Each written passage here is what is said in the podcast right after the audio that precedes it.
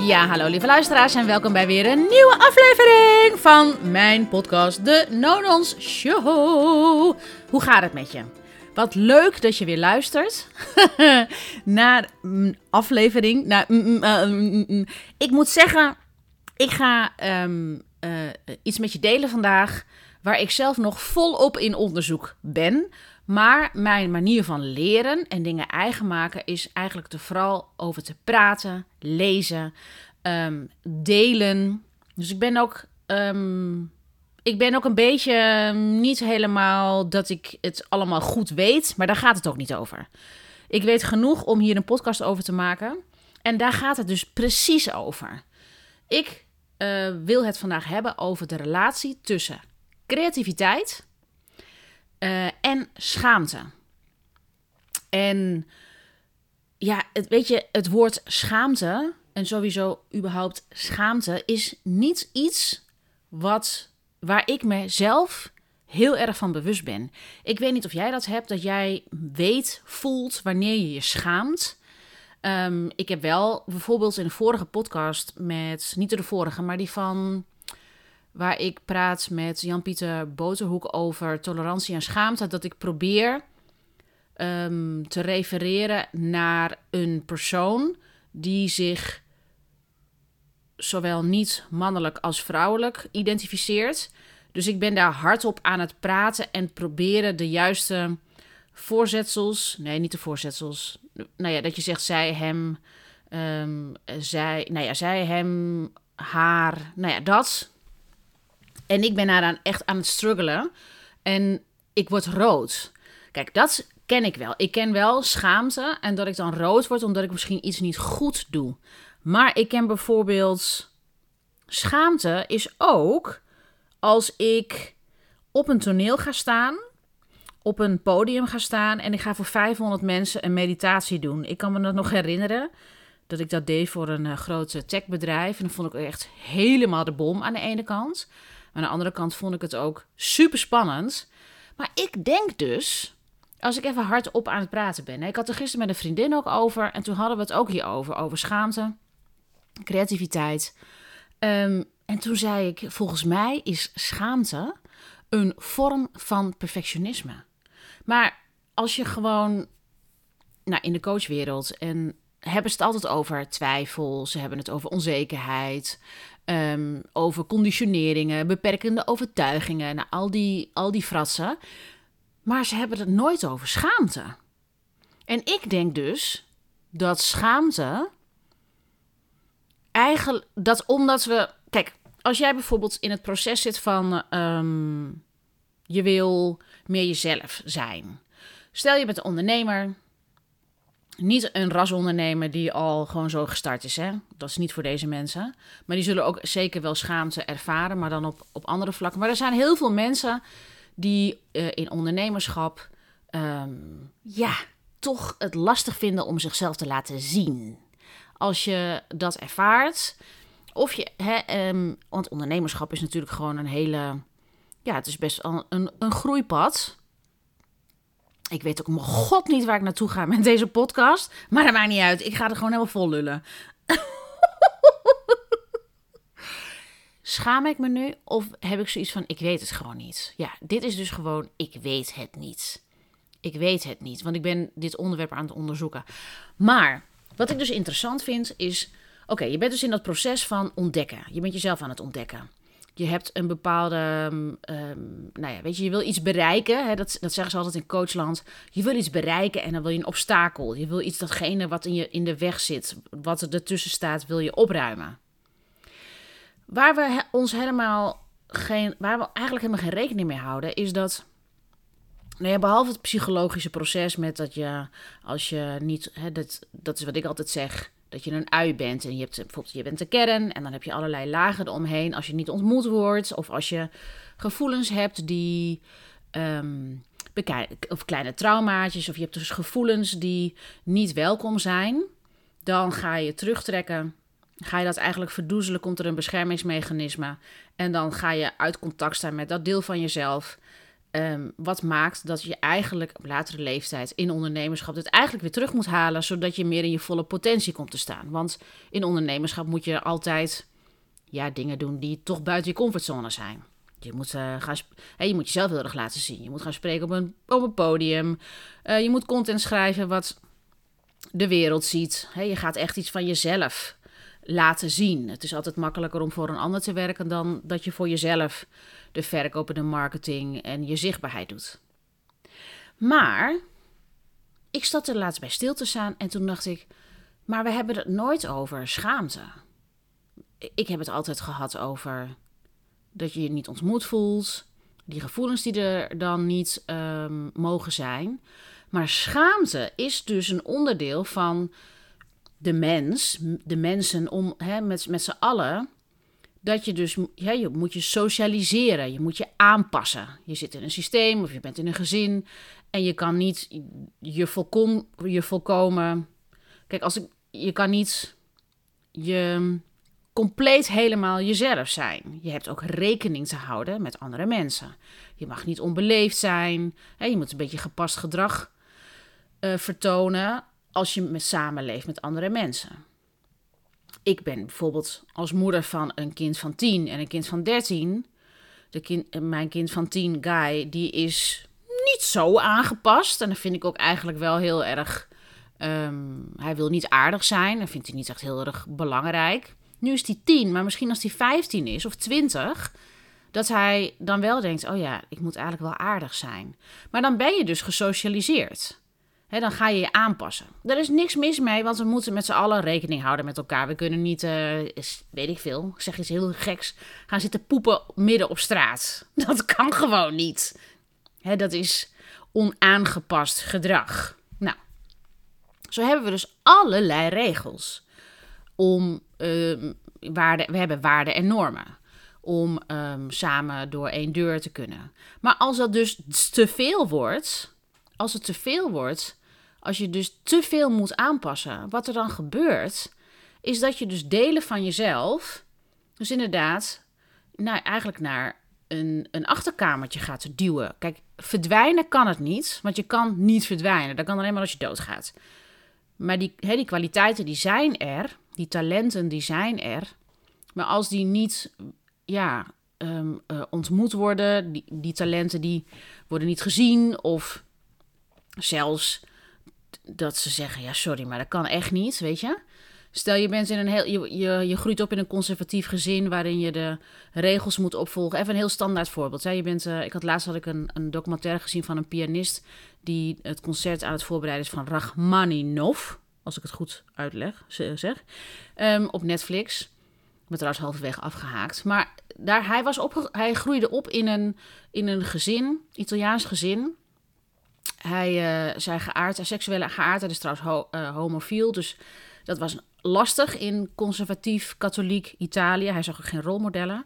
Dus dat moest hij ook dus inhouden. En um, hij had eerst geleerd voor IT-engineer, omdat zijn ouders en de hele omgeving dat hebben zijn ouders nooit echt direct tegen hem gezegd. Maar de hele omgeving was wel zo van: nou, ga maar eerst iets doen waar je zeker weet geld mee kan verdienen. En dan kan je kunstenaar worden met die piano. Uiteindelijk is hij naar Nieuw-Zeeland gegaan en heeft hij daar um, verder piano gestudeerd. Maar hij heeft dus wel een aantal dingen, laten zeggen, teruggehouden. Uiteindelijk, ja, weet je, het bloedkruid waar het niet gaan kan. Je kan tot op zekere hoogte kan je je zelf, je authenticiteit, kan je onderdrukken. En dit was dus zo groot dat het uiteindelijk naar boven kwam. Maar wat ik wil zeggen is dat. Um, wat dus heel erg. Wat een soort, wat, wat een soort missing link is. Tenminste, misschien is het in mij hoor. Misschien als jij dit hoort, zeg ja, nee, eh, voor mij. Ik uh, weet precies wanneer ik me schaam. En ik weet precies wanneer. Um, ja, wanneer ik dat voel en waarom ik dan bijvoorbeeld niet. Um, uh, uh, waar ik me terughaal om bepaalde dingen bijvoorbeeld in mijn content te delen. Ik kom er dus achter, maar dat is mijn manier. Ik kom er dus achter. Oh, dat is lekker iemand met een motor uh, aan het karren. Nou ja, dat is wat je dus hoort op de achtergrond. Maar ik kom er dus achter dat ik het afgelopen jaar met deze podcast, met de content die ik heb gemaakt, Ehm, dat ik dus eigenlijk een soort van schaamte van me af heb geworpen. Van me af heb gedaan. Ik heb, en vooral, en dat is eigenlijk onlangs, is er iets gebeurd. En dat ik dus de, de podcastaflevering dat ik deel over het misbruik in mijn eerste relatie. Dat is altijd een geheim geweest. En ik denk dus dat niet alleen maar delen van onszelf, maar ook ervaringen die we hebben, dat als er schaamte op zit, dan wordt het een geheim. En daarmee een stuk van ons potentieel um, gaat ook echt een beetje weg of verloren. Want als ik nu terugkijk, dan denk ik, door die aflevering te delen. Kijk, er is niemand die tegen mij heeft gezegd: Oh, wat een verschrikkelijke aflevering. Sowieso, waarom zou iemand de moeite nemen om dat te zeggen? Um, ik heb eigenlijk helemaal niemand over gehoord. Misschien is het te heftig of vinden mensen het dus te ongemakkelijk om het te over hebben. dat is dan aan de ander. Maar voor mij is het echt een. alsof je een hereniging. Nou ja, dat klinkt ook alweer zo hoogdravend. Maar ik zit gewoon veel lekkerder in mijn vel.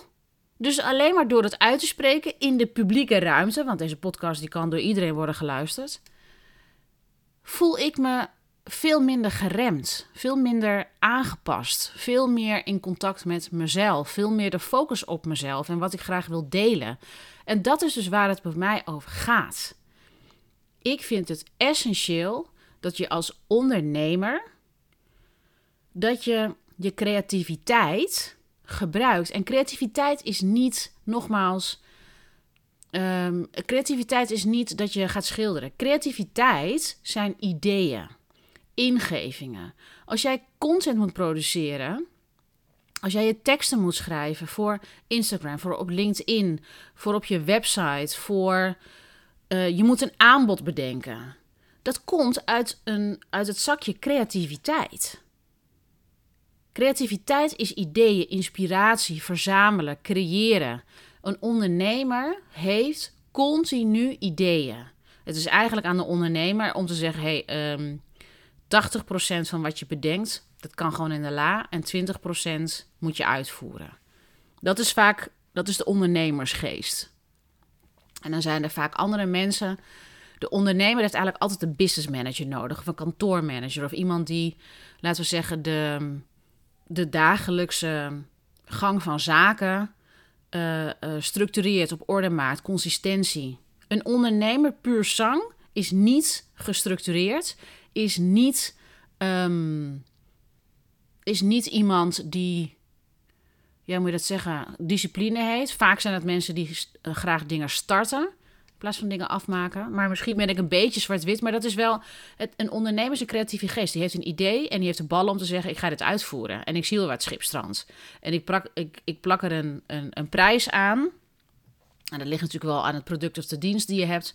Maar dat is wel ondernemerschap. En als je dus meer en meer wil groeien en je wil meer en meer uit je comfortzone en je wil vernieuwender en vernieuwender worden, dan is het eigenlijk dat je nog creatiever mag worden, nog creatiever mag zijn. En delen waar jij jezelf over schaamt, eigenlijk overboord mag gooien. Want tenminste, dat is wat ik zelf ervaar. Ik zit in zo'n geweldig creatief proces momenteel, dat ik dus ook de ingevingen van een aanbod aanbied. Ik had twee weken geleden, had ik ook op mijn stories gedeeld twee weken geleden. Ik was iemand, uh, ik was met iemand aan het, aan het, aan het sparren. En um, ik was een podcast aan het luisteren van haar. Luisteren van haar. Ik moet wel netjes blijven praten. En um, ik had haar ingesproken en ik had gezegd: Ja, allemaal leuk en aardig. Ik ben, al, ik ben jouw podcast aan het luisteren en het gaat altijd over hetzelfde. Na zes maanden dacht ik: Ik weet dat jij nog veel meer onderwerpen wil delen die je gaaf vindt. Maar ik hoor ze niet. Ja, zegt ze, ja, inderdaad. Ik zit een beetje in mijn eigen kadertje. En ik merk ook dat ik er zelf gewoon. Ja, ik kom er niet uit. Ik kom er niet uit. Ik zeg, uh, nou, waarom doe je dit? Waarom deel je niet hierover? Nou, zij. Uh, en het was gewoon even zo. En toen zei, toen zei ze twintig minuten later: Ik heb het gedaan hoor. Ik heb erover gedeeld. en ik heb erover moeten huilen. Ik zeg, wat zeg je? Ja, Ehm, en toen dacht ik, oh wat bijzonder. Ja, maar jij weet wel waarom je dat zegt. Ik zeg, nee hoor, ik weet niet waarom ik dat zeg. Maar ik weet wel dat als ik dus durf, dus ik durfde contact met haar op te nemen om, en te zeggen, ja, ik, ik zou het leuk vinden dat je content wat diverser wordt. Want ik weet dan dat iemand zijn bredere potentieel gaat aanboren. Ik heb dat ook. Als ik telkens maar in mijn eigen uh, bubbeltje zit en ik ga niet geïnspireerd worden of in gesprek met andere mensen, dan blijft het eigenlijk altijd een beetje hetzelfde. Want het komt uit mijn eigen koker. Maar als je gaat sparren met andere mensen en die kunnen het bredere palet van jou zien, dan kan je zeggen: Oh ja, dat is een leuke topic. Nou, daar ga ik over delen, ga ik over kletsen. En de volgende dag vroeg ze me: Goh, heb je weer inspiratie? Toen zei ik: Ik heb zeker inspiratie voor je en ik ga je ook een aanbod doen. Wat lijkt het je om de komende 30 dagen Ehm, deze uitwisseling te doen. Dat ik jou voorzie van inspiratie, dat we gaan uitwisselen, zodat je content edgier wordt, minder veilig. En wat ze zelf zei, het is gewoon super veilig en boring. Ik zei, nou, boring valt wel mee, maar het is leuk als het jezelf inspireert. Nou, het leuke is, we zijn dus twee weken verder. En twee weken verder zie ik dat het diverser wordt. En dat de, uh, dat de content veel meer. Um, hoe moet je dat zeggen? Want wat ik doe is niet zozeer jij moet hierover praten. Het is, ik kan zeggen, oh, het zou leuk zijn als je het hierover hebt. Maar die andere persoon, mijn klant, die gaat dan eigenlijk zelf aan de slag. En die maakt een eigen versie van. Met de kennis en de hersenspinsels die die persoon heeft. Nou, en dat is iets waar ik van denk, ja, dit vind ik uber gaaf. Ik heb het ook aan iemand anders aangeboden. Waar ik zelf van aanging. En toen dacht ik. En die heeft ook ja gezegd. En toen dacht ik: dit is een heel mooi experiment aanbod. He, soms dan, ik weet niet, in marketing heb je vier van die verschillende aanbiedingen. Dat je bijvoorbeeld uh, zegt, uh, zo'n merk die heeft dan bijvoorbeeld uh, de standaard cash cows, weet je, van dat verkoopt lekker. En dan heb je een soort aanbiedingen of aanbod wat je zelf in, in ontwikkeling hebt. Nou, dit is dus een aanbod in ontwikkeling. En, het, en door het te doen, um, ervaar ik hoe het voor mij is, ervaar ik hoe het voor de klant is, worden de resultaten gehaald, hebben we alle twee plezier. Wat zit er nog meer in? Hoe kan ik het nog meer aanvullen? Kan ik hier een groter aanbod van maken of een langer aanbod? En het grappige is dat dus door deze manier van werken ik zelf veel meer geïnspireerd ben. En, en dat ik dus ook, ik denk in het nieuwe jaar, want dat is waar ik nu in zit, het creatieve proces van het aanmodderen, het aan, het, het keuvelen. Ik ben heel veel het huis aan het schoonmaken. Nee, dat gebeurt het vandaag en dan, poem, podcast over schaamte en creativiteit. Dus dat je dus, stel bijvoorbeeld, en dan ben ik even hardop aan het nadenken, dan denk ik, oh, dat zou gaaf zijn als iemand gewoon echt zijn creatieve potentieel nog meer eigenlijk kan aanboren. Dat je dat eigenlijk activeert. En dat je dus juist iemand laat praten over waar die zich voor schaamt. En dan hoef je dat niet te delen met de buitenwereld. Ik schaam me hiervoor. Maar dat je dus wel voor jezelf gaat onderzoeken. Oh, hier schaam ik me voor. Top. Dat kan je dan. Ik zou dat dan met iemand, uh, ook op emotioneel vlak, dat je, dat je je veilig voelt om dat te kunnen delen, ondanks je schaamte. Dus je gaat die lagen afpellen samen en onderzoeken. Totdat iemand zegt: Ja, ik voel me veilig om dit te kunnen delen. En bam. Want en dan gaat iemand dat delen. Dan gaat iemand het gebruiken en verwerken in zijn content. Of dan gaat iemand het gebruiken in zijn werk. Want weet je wat het is? Als wij telkens hetzelfde blijven doen, dan groeien we niet. Ik zat ook te bedenken, waarom vind ik dit nou zo belangrijk? Waarom vind ik het zo belangrijk dat mensen expressie geven aan hun potentieel? Want, maar weet je wat het is? Ik geloof gewoon dat dat het is waar het over gaat. Dat we altijd expressie mogen geven aan wie we zijn. Het is fucking boring om, om dat. No het is gewoon boring om telkens in dezelfde kleding op werk te komen. Het is boring om telkens hetzelfde riedeltje te doen van A tot Z.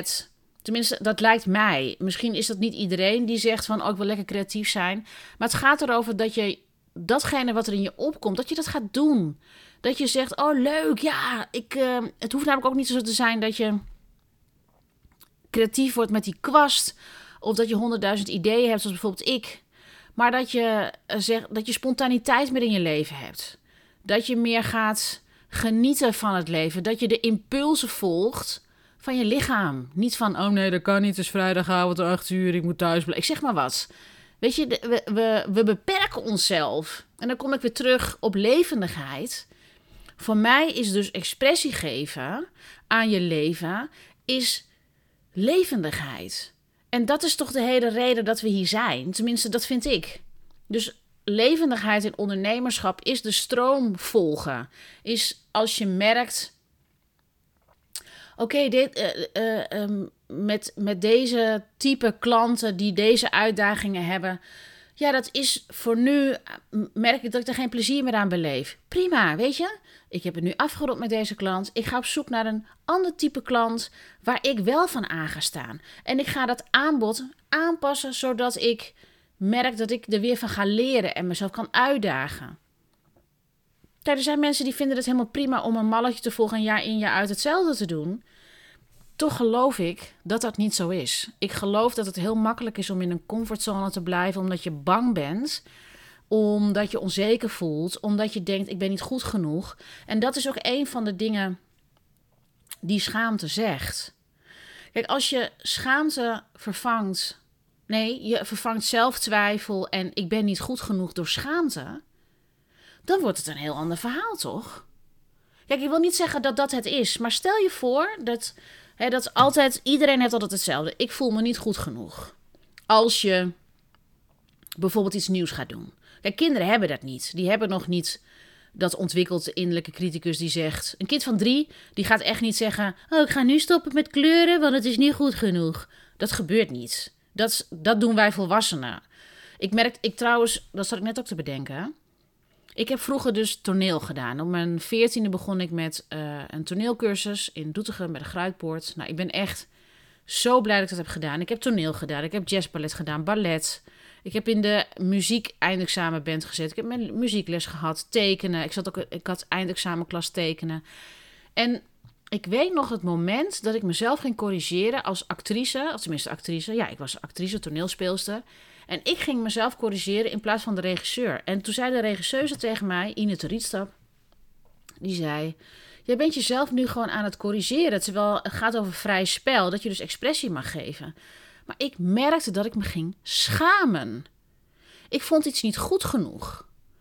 En de innerlijke criticus, voor diegenen die dat niet weten, de innerlijke criticus is eigenlijk altijd dat lampje, die gedachten die zeggen: dit is niet goed genoeg, je moet meer dit of je hoort dat doen of je moet dit of je moet dat. Dat is, die wil je veilig houden. En dat gebeurt bij iedereen altijd in situaties waarin het nieuw is. Dus ook als je 60 bent, ook als je 70 bent en je doet nieuwe dingen, nog edgier, nog meer uit je comfortzone, gaat die altijd komen. Dat is nu eenmaal onderdeel van het menselijk systeem, van de menselijke psychologie. Dus die gaan we altijd tegenkomen. Maar ik kan me dat nog herinneren dat toen op dat moment, dat was na drie jaar, was een keer een scène bij een oefen, bij een uh, repetitie. En toen merkte ik, ik ben mezelf dus aan het corrigeren. En daarna, toen ben ik, uh, ik ben zelf toen, ik wilde altijd namelijk naar de toneelschool, ik wilde uh, regisseuse worden, actrice. Maar ik heb toen gekozen om dat niet te doen. Ik heb gekozen om toen naar Spanje te vertrekken op mijn achttiende. En ik ben uit die toneelgroep gestapt omdat ik uh, VWO moest doen om in Spanje te kunnen studeren. Dus heb ik twee jaar VWO in één jaar gedaan. En daarna toen ben ik naar Spanje vertrokken. En daar is er iets met mij gebeurd op mijn 18e, 19e, 20e. Nou, natuurlijk ook door de. Uh, want daar had ik mijn Spaanse vriend. En. Um, um, nou ja, daar, daar gebeurde wat er gebeurde. Maar dat had ook te maken met schaamte. Ik voelde me dus. Ik schaamde me omdat ik. Um, ja, en ik gebruik bewust het woord schaamte in plaats van onzekerheid. Want ik schaamde me dat ik. één, ik voelde me heel vaak te dik. Al die Spaanse meisjes van 18 waren allemaal super dun. Ik schaamde omdat ik niet goed Spaans sprak. Ja, nee, uh, hallo. Uh, je, je, hebt nooit in Spanje gewoond, alleen een Spaanse moeder. Je bent tweetalig opgevoed. Maar daar kan ik nu met heel veel compassie naar kijken. Maar toen op mijn 18e had ik een hele. dacht ik, ik moet goed Spaans kunnen spreken. Want dan kom ik niet dom over. Want mensen waren vreed. En er werd altijd een soort oordeel uh, gelegd van. Oh, ja, ik hoor dat jij ergens anders vandaan komt. Waar kom je vandaan? Heb het altijd opgemerkt. Ik werd er echt helemaal gek van. Dus ik schaamde me heel vaak voor wie ik was, wat ik deed. Ik heb daarna nog geprobeerd bij een mimeschool in Amsterdam. Ehm, toen ik terugkwam van Spanje, toen had ik zoiets van... Nou, ik wil dit creatieve, die creativiteit wil ik verder ontplooien, wil ik verder ontwikkelen. Toen kwam ik op de mimeschool voor een auditie. Nou, en ik weet nu wel dat ik de auditie deed. Toen kreeg je zo'n vervolgesprekken. Toen zeiden ze... Ja, nee, je bent helemaal niet opgevallen. Je zit alleen maar in je hoofd. Ja, geen wonder. Ik was vet in een burn-out. Daarna, volgens mij, uh, en ik had het een en ander meegemaakt. Ik voelde me altijd ontzettend super eenzaam. En naast dat het allemaal leuke dingen waren hoor. En, en ik had gewoon een rotrelatie, waardoor ik heel geïsoleerd. Nou ja, ik was gewoon totaal niet in contact. Dat is echt gewoon een verhaal apart als je in een situatie zit waar misbruik is. En dat je dat zelf ook toestaat, überhaupt. Um, dus ik was mezelf helemaal niet heb ik het ook nog geprobeerd bij de dansschool in Tilburg. Toen ben ik, heb ik ook nog geprobeerd, daar heb ik auditie gedaan, maar ik dacht, wat de fuck doe ik hier? Ik weet niet, ik, had, ik was zo een systeem ontgroeid en het schoolse en een veilige omgeving om daarin op te groeien of in daarin te ontplooien. Dat ik dacht, ja nee, dit is te kleine wereld voor mij. Doordat ik vier jaar zelf uh, heel snel was opgegroeid en ja, heel erg op mezelf was aangewezen, had ik ook gewoon allemaal zelf uh, gekozen.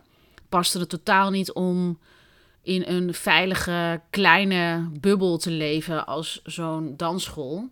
Um, dus dat heb ik toen niet gedaan. En ik heb altijd, ik heb altijd het gevoel gehad dat ik iets met die creativiteit moest. En het grappige is dat dus nu na 20 jaar, want dit is, dan spreek ik over toen was ik 21, 22. Daarna ben ik ben namelijk toen Spaanse taal en cultuur gaan studeren uh, in Amsterdam. Maar dat was eigenlijk het enige wat ik echt leuk vond. Maar ja, toen ben ik gewoon echt gaan studeren en in mijn hoofd gaan zitten. Um, maar nu komt dus de creativiteit echt weer terug, omdat ik mezelf toesta om eigenlijk echt mijn natuur te leven. En dat is, ik heb een aanbod wat mag veranderen. Dat heb ik ook jaren gehad van, ja, je gaat dan niet zomaar Um, dan loopbaancoaching en dan leiderschap en dan. Nee, maar, maar mijn aanbod mag veranderen. Maar het is wel belangrijk dat ik aangeef wat, waarom ik dit doe. Waarom ik dit zo belangrijk vind. En ik kom toch weer terug naar toen ik ooit ben begonnen met Eva Authentic Living als praktijk. Als business. En dat was, ik vind het essentieel dat mensen hun authentieke potentieel benutten. Of je nou een ondernemer bent, of eigenlijk wie dan ook, of je nou een moeder bent, of het maakt niet uit wat voor rol. De wereld wordt een stuk mooier als jij gewoon mag zijn wie jij bent. Want dan komen er allerlei natuurlijke talenten naar boven die de wereld nodig heeft. Dus dat is eigenlijk altijd hetzelfde wat ik doe. Ik help mensen altijd in contact te komen met hun authentieke zelf. En dat klinkt wollig. I know, ik mag dat eigenlijk allemaal niet gebruiken. Volgens de marketingregels van Anna Bootsmaatje mag ik niet zeggen van dat ik dat doe. Omdat dat wollig is. Mensen snappen dat niet. Maar ik moet je heel eerlijk zeggen, Anna Boosma, als jij dit aan het luisteren bent. Ik heb dat tien jaar lang gedaan. En tien jaar lang zijn er mensen aangegaan omdat ze ergens gingen voelen. Ja, maar dat is dus wat ik wil. En mensen voelen zelf ergens, zonder dat je het heel erg uitlegt, voelen ze zelf de noodzaak om dat te doen. Ik heb heel veel mensen gehad die zeggen: Ja, ik voel me uit balans. Of ik voel stress. Of ik, ja, ik wil mijn eigen onderneming opzetten. Of ik wil gave content maken. Of ik wil meer zichtbaarheid. Ik wil gelukkig zijn. Het enige wat er altijd voor nodig is, is dat je terug gaat naar jezelf. En dat je jezelf gaat leren kennen. Niet zoals jij denkt dat jij bent dat je bent. Niet dat aangepaste zelf. Niet die, die persoon die um, um, gevormd is door ideeën van andere mensen. Kijk, ik heb het geluk gehad ik weet niet of het, het ik weet niet of dat ligt aan mijn ouders, maar ik heb wel altijd. Mijn, mijn moeder is kunstenaar naast dat ze... Nou ja, mijn moeder is een heel creatief mens. Ehm, ze is kunstenaar al, nou ja, eigenlijk volgens mij haar hele leven. En zij heeft zich ook moeten aanpassen. Mijn moeder heeft nooit mij eigenlijk gezegd hoe ik moest leven. Ik weet nog zelfs dat toen ik... Ik was 14, ik begon heel vroeg te roken. Ik rook nou trouwens helemaal niet meer. Ik zou het echt niet in mijn hoofd halen. Ehm, maar toen ik 14, 15 was, ik was een beetje rebels, theater, weet je wel, zo'n typeje die dan uh, in zo'n rokerig café zit met een glas wijn. My god, als je nu denkt dat mijn kinderen met hun veertiende in een café zitten met een glas wijn en een sigaret, denk ik, oké, dat doen we dus niet. Maar goed, um, ze heeft me nooit gezegd, nee, dat mag niet. Ze zei, als ik dat jou ga verbieden, ga je toch stiekem doen. Ze heeft me altijd gerespecteerd. En ze heeft me altijd mijn vrije, de vrije loop gelaten in die zin. Ze was ook altijd trots op mij. Dat ze het gaaf vond, de dingen die ik doe. Nu ook als ondernemer. Zegt ze, het is toch ongelooflijk dat je een idee hebt. En je vindt daar mensen voor die dat idee willen opvolgen of doen. Nou, opvolgen is trouwens niet het woord. Die dat willen doen. Want ik ben niet van het opvolgen, ik ben van het uitwisselen. Ik ben van het co-creatie, van het samenwerken. Ik hou helemaal niet dat mensen opvolgen. Ja, mijn ouders hebben me nooit proberen te vormen om me heel erg aan te passen aan braaf zijn. Nee. Wel dat ik dus inderdaad een beetje moest, rustig moest zijn, want het was wel echt een bonk energie. Kijk, nu ben ik 46, maar zie mij maar op zesjarige leeftijd. Ik denk dat ik echt een, een, een heel team aan mensen nodig zou hebben gehad die alle creatieve ideeën zou kunnen uitwerken. Maar goed, dat is dus mijn talent. En ik wil dat heel graag bij mensen, dat ze dat weer herinneren. en het is niet, gaat dus niet alleen maar over het spirituele aspect. Dat is een onderdeel van creativiteit. Laatst vroeg ook iemand aan mij: Ja, Eva, maar wat doe ik nou? Wat, wat leer ik nou in zo'n programma? Wat je in zo'n programma leert, is dat je naar jezelf teruggaat. En dat je, dat je eigenlijk alles gaat bevragen. Maar ook dat je gaat leren voelen, wat past nou bij mij? En wat is hij nou moedige keuze? Wat, hoe wil ik echt leven? Hoe wil ik echt leven? Hoe wil ik echt werken? Want voor mij die ervaring toen ik kanker had op mijn 39ste, dan denk ik, ik heb nog misschien 40 jaar te leven. Hopelijk. Um, dan wil ik wel de volste expressie kunnen geven aan mijn leven. En het is echt niet zo dat ik de hele dag flamenco zit te dansen op een podium om mijn volste expressie te geven. Maar ik heb wel altijd het gevoel, ik heb een keuze en ik heb de vrijheid om te kunnen zijn wie ik ben. Uh, het is ook echt niet zo dat ik een onaangepaste bitch ben. Dat is helemaal niet aan de hand. Maar ik geef mezelf wel de vrijheid om gewoon de dingen te doen op mijn eigen manier. Omdat dat mij gelukkig maakt. En ik wil dat mensen hun manier gaan vinden wat hun gelukkig maakt. Want het is zonde om de hele dag gestrest rond te lopen, om ongelukkig te zijn, um, om ontevreden te voelen. Ik vind het gewoon zonde van je tijd. Dus als je met mij gaat werken, ga je al die dingen onderzoeken, uitzoeken. En dan ga je een leven creëren dat beter bij jou past. Ik kan dat niet voor jou benoemen of zeggen. en dat, dat is dus ook niet de traditionele manier is... Oké, vertel mij maar wat ik moet doen. Nee, ik ga jou zeggen, ik ga jou vragen... wat is wat jij wil doen? En dan komt er vaak soms... ja, maar dat weet ik niet. Dat weet je wel. Je weet heel goed wat je wil. Het is alleen even dat je de tijd neemt om daar echt naar te durven luisteren. En welke acties mag je dan ondernemen? Of welke acties mag je dan laten? Neem jezelf in serieus. Dat is eigenlijk wat ik tegen die dame zeg die mij die vraag heeft gesteld en misschien deze podcast luistert. Um, even een indirect berichtje. Nou ja, dit zijn zo even mijn uh, gedachten, hersenspinsels over creativiteit en schaamte. Schaamte houdt je klein. Schaamte zorgt dat jij niet in je volste potentieel komt te staan. Allemaal wollige coachtermen, ik begrijp het. Maar schaamte zorgt er dus ook voor dat je gewoon niet gelukkig kan zijn. Want dan ben je uit contact met jezelf. En daar is het leven echt niet voor bedoeld. Dus leef je feestje. Maak er wat moois van. Als je er meer over wil weten, dan kun je altijd contact met me opnemen via Instagram, de DM. Oh, en ik ga nog even afsluiten met. Ik heb dus dat aanbod, wat ik dus heb aangeboden twee weken geleden, wat ik heb bedacht. Als jij het gevoel hebt, ik heb content of ik wil inspiratie voor een nieuw aanbod, dan kan dat.